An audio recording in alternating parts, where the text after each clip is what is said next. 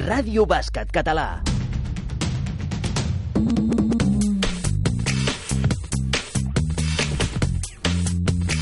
La tertúlia.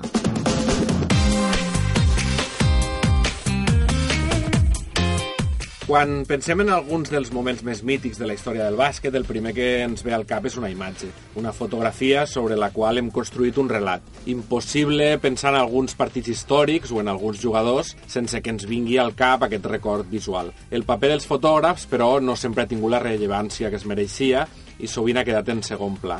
Aquesta setmana volem aprofitar l'espai de la tertúlia per parlar amb dos fotògrafs exemplars, dos professionals que han immortalitzat una època històrica del bàsquet català que no serà fàcil de repetir. José Luis García Surrayés, fotògraf de la mítica revista Gigantes del Bàsquet, benvingut. Encantat d'estar amb vosaltres. I Eduard Omedes, fotògraf de Mundo Deportivo, gràcies. Hola, què tal? Us tenim al cap eh, aquesta primera portada de, de Gigantes del Bàsquet, tu ja feia anys que feies fotografies, però vas tenir la sort de publicar aquesta primera foto a la, a la portada de la mítica revista. A mi el tema fotogràfic em va venir dels pessebres, que li vaig regalar un pessebre i em va regalar una càmera i em va enganxar la neura. Això va fer que em dediqués a la fotografia. Després ja, en plan professional, recordo la primera foto que vaig fer va ser una de l'equip de la penya. No me'n recordo quin equip era, però em va venir el Miquel Àngel Fornés que si tenia una càmera de mig format perquè volien fer una foto bastant grossa i havia de ser encara mig. I vaig anar a fer la foto i allà em va agafar la, la neura de també fer bàsquet. Després vam fer cromos i tal i qual, col·laborava amb el Correu Català que va desaparèixer,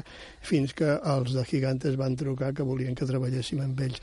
Primer era el Miquel Àngel i jo, però el Miquel Àngel treballava a Nova Bàsquet, no el van deixar marxar i llavors vaig seguir jo sol. Era molt diferent aquella època d'aquesta? Des del punt de vista tècnic, sí, en aquella època, o sigui, el digital ha sigut, eh, vamos, per, per el fotògraf de, de premsa ha sigut la salvació.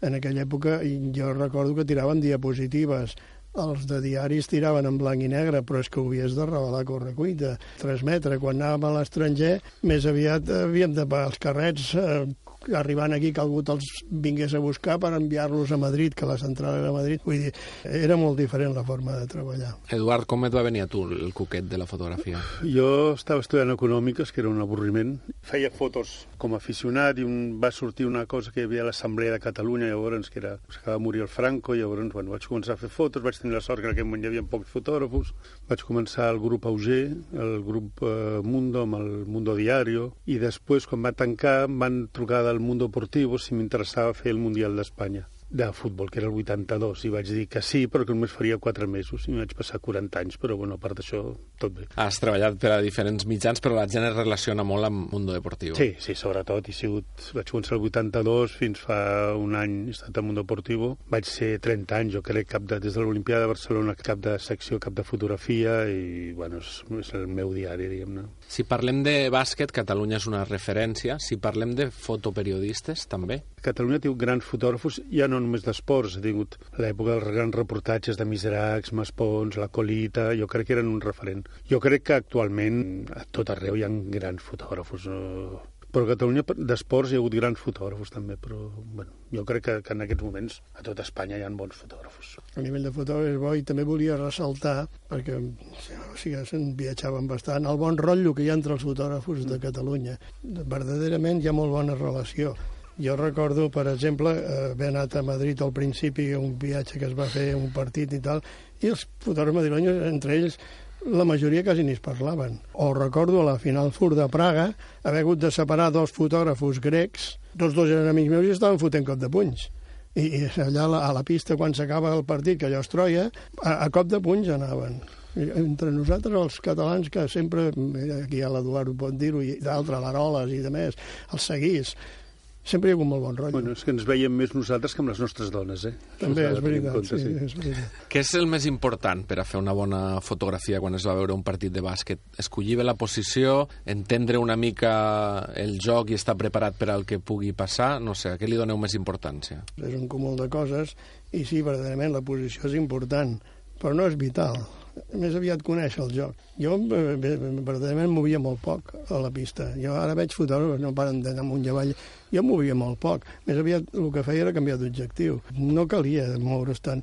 Pel bàsquet, ho hem comentat abans, no és l'esport més difícil. No. Això l'Eduard... És fàcil, no, no és fàcil, però el bàsquet té l'avantatge que t'arriben 60 vegades on estàs tu. Sí, dir, pot haver-hi de tant en tant una canasta decisiva. En el futbol, per exemple, de repente hi ha un gol decisiu. Al bàsquet, qualsevol jugador t'arriba 60 vegades on estàs tu, és a dir, hòstia, molt dolent has de ser per no fer fotos bones. En situacions molt dolentes pots fer fotos molt bones i en llocs privilegiats pots fer...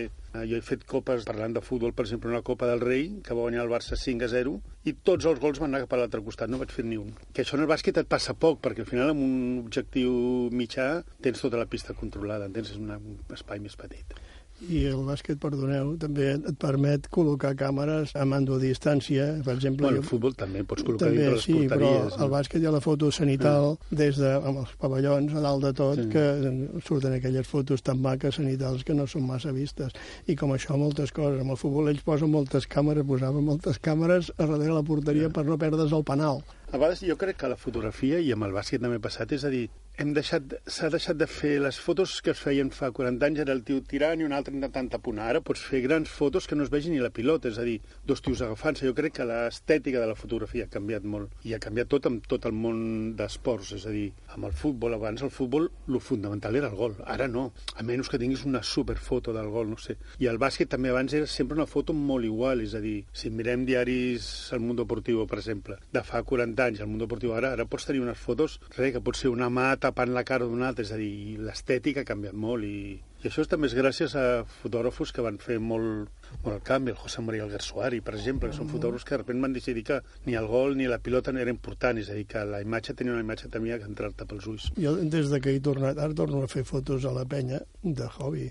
Només tiro amb el 300. Ara no faig cap més foto que no sigui 300. Si surt desfocat és igual. Eh, abans teníem la pressió de que, esclar, si havies d'enviar fotos a l'ACB i n'havies d'enviar 50, al primer quart ja n'havies d'enviar 10, hosti, havies d'anar a la foto segura. Ara no, ara pots fer el que et dóna la gana i amb el 300 surten fotos precioses. Eh? L'Eduard t'ho podrà explicar. Ha canviat molt la, la tècnica al llarg d'aquests anys? Que he dit abans el digital. El digital ens ha fet Oh, un I home. les càmeres, eh? I les càmeres, les sí, càmeres sí. era foco manual, Sí, sí, sí. Era foco manual, hòstia, era molt més complicat. I, és a dir, i el granillo.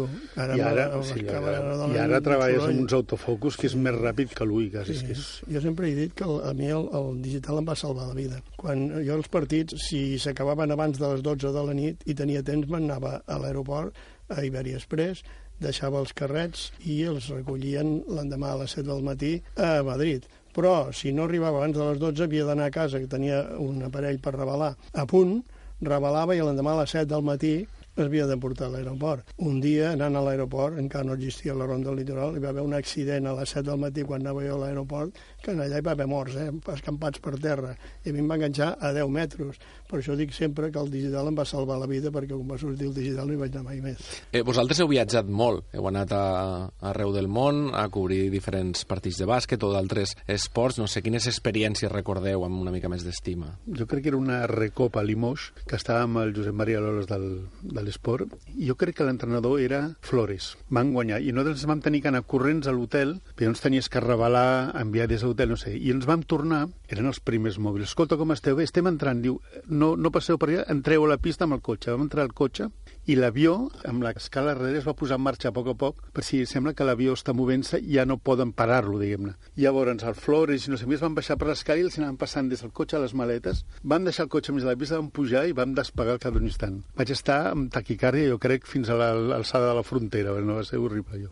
Els meus records, quasi tots, venen de Salònica. Jo a Salònica he viscut experiències que no vegis. Des de la pluja de monedes, no sé si estaves tu, Eduard, aquell mm. dia que el Palacios, un que jugava amb el Barça, Sí. va quedar de pipiolo, o sigui que tots se'n van anar corrents a la que es va acabar el partit, vamos, encara no havia pitat l'àrbitre, ja fugien corrents i el Palacios era el, el, el júnior, es va quedar allà i totes les monedes hi anaven amb ell. I el recordo, amb un anunci d'aquests de fusta de la, de la pista, al cap sortir corrents perquè si no el mataven. A Salònica vam veure experiències. Jo vaig, la primera vegada que vaig transmetre fotos no va ser per mi, va ser pel periòdico el Joan Vilaprinyó, que amb aquestes monedes una li van al cap i li van haver de donar 8 punts. I recordo el Toni Bové cosint-li el trau que portava al cap, i jo amb la parella aquell que no havia tres més mai ni sabia com anava i em deia ara apreta-lo, i jo, bom, alò, amb els negatius, i vaig transmetre pel Pilar Prinyó que li havien obert el cap. O a Estambul que m'han fotut un petardo a la boca. A Estambul estava preparant les càmeres de terra i bot un petardo a terra i em ve els morros.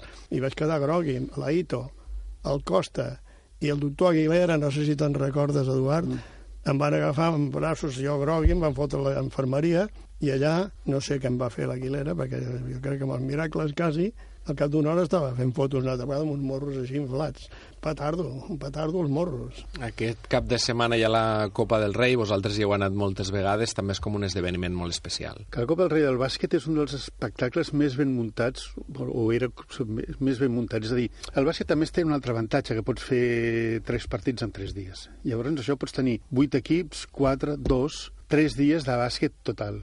Llavors era, és a dir, en, en molt pocs esports, pots fer el handball, pots fer el hockey, però no pots fer el futbol, per exemple. I jo me'n recordo moltes, n'he fet moltes, però moltes feien Màlaga i Vitoria. L'ambient era brutal. Hòstia, era molt divertit. Jo m'ho vaig passar molt bé, em passava molt bé i primer feies quatre partits, bueno, després hi va haver-hi dos, dos i dos, em sembla, però es feien molts partits. Però jo crec que era un muntatge molt ben fet i que tothom tenia ganes de Copa del Rei, inclús els equips. N'has fotografiat moltes, la de Pau Gasol, per exemple, abans d'anar a la NBA. Vaig fer el Pau Gasol una Copa del Rei que jo diria que era Màlaga, que el Madrid va estar matxacant-lo amb ell perquè tirés faltes pensant com que era jove, era, fallaria els tiros i lliures i els va ficar tots. I va venir al Barça. Vaig fer una foto molt maca que inclús va estar molt temps penjada a l'entrada del Mundo Deportivo que era ell en braços dels altres saludant. Jo crec que és una gran foto, sobretot perquè Pau Gasol no el coneixia ningú. Ja. Sí, sí, el que passa és que jo diria que en el meu cas la Copa del Rei era bastant pesada, tot i que l'organització i de més, perquè hi havia la minicopa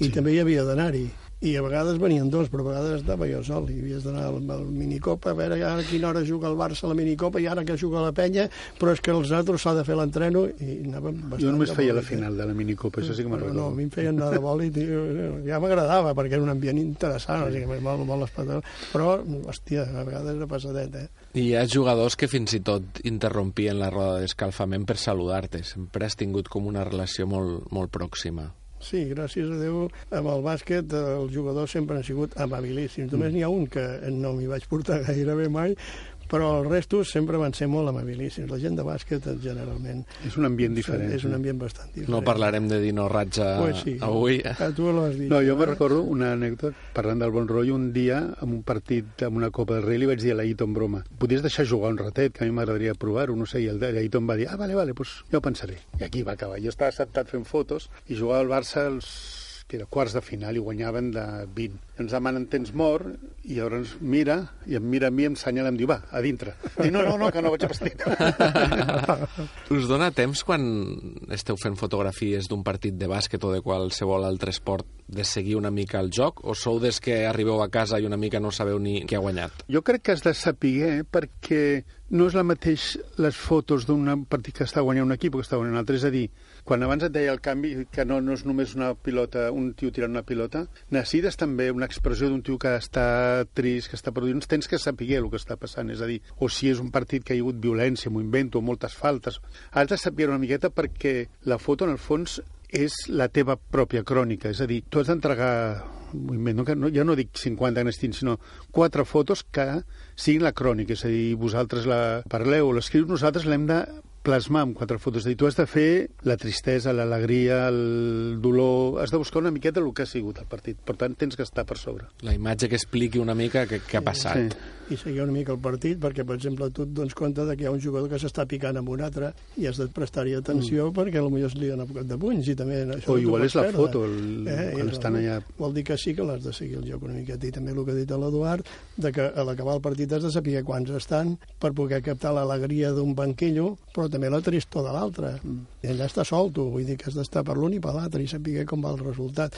El partit el segueixes més o menys, sí, sí, sí. Us pregunto pels mòbils, per les xarxes socials, per com veieu una mica tot aquest escenari fotogràfic en els temps que vivim. Des del punt de vista professional com a fotògraf, el mòbil ha sigut una miqueta un amor del fotògraf. És a dir, ara tothom es pensa que pot fer una bona foto, és el que parlàvem abans d'entrar aquí. I no és cert, és a dir, una bona foto de bàsquet la fa ell o la faig jo, bueno, jo no sé si tant com ell, però, bueno, però els professionals, és a dir, requereix no només un mòbil, requereix un bon equip, requereix una formació tècnica, és a dir, és a dir que els pavellons, per molt que ho sembli, estan tots mal il·luminats, com els camps de futbol, eh? És a dir, hi ha no, tota una sèrie de coses que fan que una foto surti com surten. És a dir, quan tu veus una foto de la NBA dius, hòstia, no, no, és que hi ha un treball allà darrere. Per tant, el mòbil serveix per algunes coses, però no, des del meu punt de vista, per cosa professional. Sí que pots fer una foto al camp, a la pista de la penya, i dius, a la penya veient el partit. Però una bona foto, és a dir, tu no veuràs mai a cap xarxa social una gran foto que sigui d'un tio fet amb un mòbil. De totes formes, jo ara, última hora, abans de jubilar-me, a vegades parlava amb xicots joves que començaven a fer fotos i preguntaven i, i els hi deia, si jo ara tingués la vostra edat estaria espantat. Per què?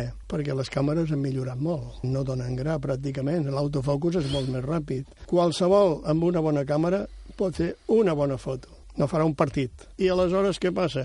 Que n'hi ha molts que ho fan per hobby, que les regalen i els professionals a vegades queden perjudicats perquè ja no els criden, ja no, ja no interessa tant. Aquell també fa bones fotos i no ens cobra. I per això potser seria, no diguem la mort, però sí que perjudica molt en els fotògrafos professionals d'esport. Mil gràcies, doncs, per acompanyar-nos en aquesta tertúlia d'aquesta setmana, que continueu enfocant moltes bones fotografies en el futur. Mil gràcies per ser aquí amb nosaltres. Al contrari, un plaer.